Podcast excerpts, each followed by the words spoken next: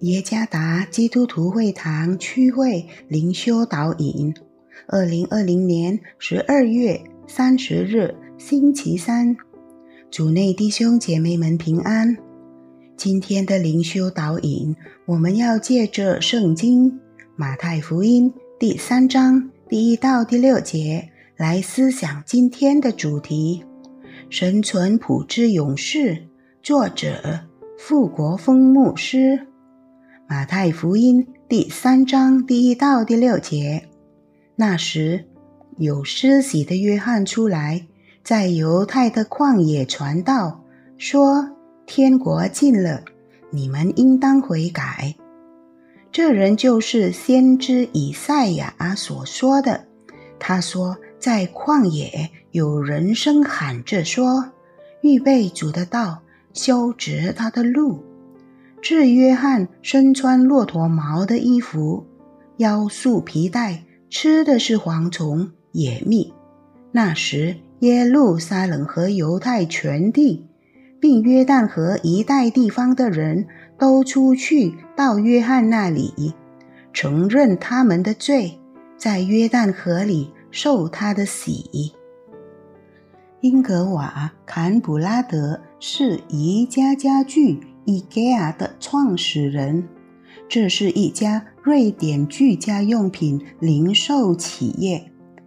宜家家具已遍布全球近五十个国家，甚至包含有关宜家产品信息的宜家目录，是世界上第二大其发行量仅次于圣经的书。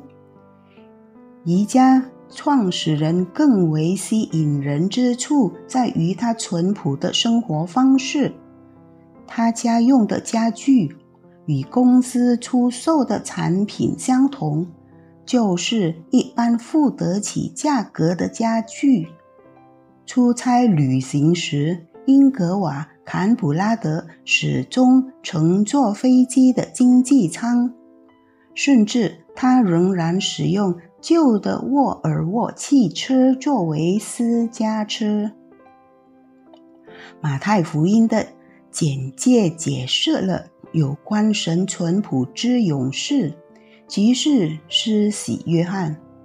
马太说，这约翰身穿骆驼毛的衣服，腰束皮带，吃的是蝗虫野蜜。鉴于犹太人对以利亚的末世角色非常感兴趣，参看马太福音十一章十四节、第七章十到十一节，施洗约翰刻意采用以利亚的穿着，向许多人传达悔改的信息。由于他的淳朴，许多犹太人。对约翰的讲道做出了回应，因为他们确信他是传讲来自上帝信息的一位真先知。约翰向我们展示了一个作为神勇士淳朴生活的榜样，这种淳朴将使我们生活在完全的正直。我们专注于。更聚焦和有效率的服饰，即使到最后，我们服饰的动力也仍然保持真诚和完全奉献的动机。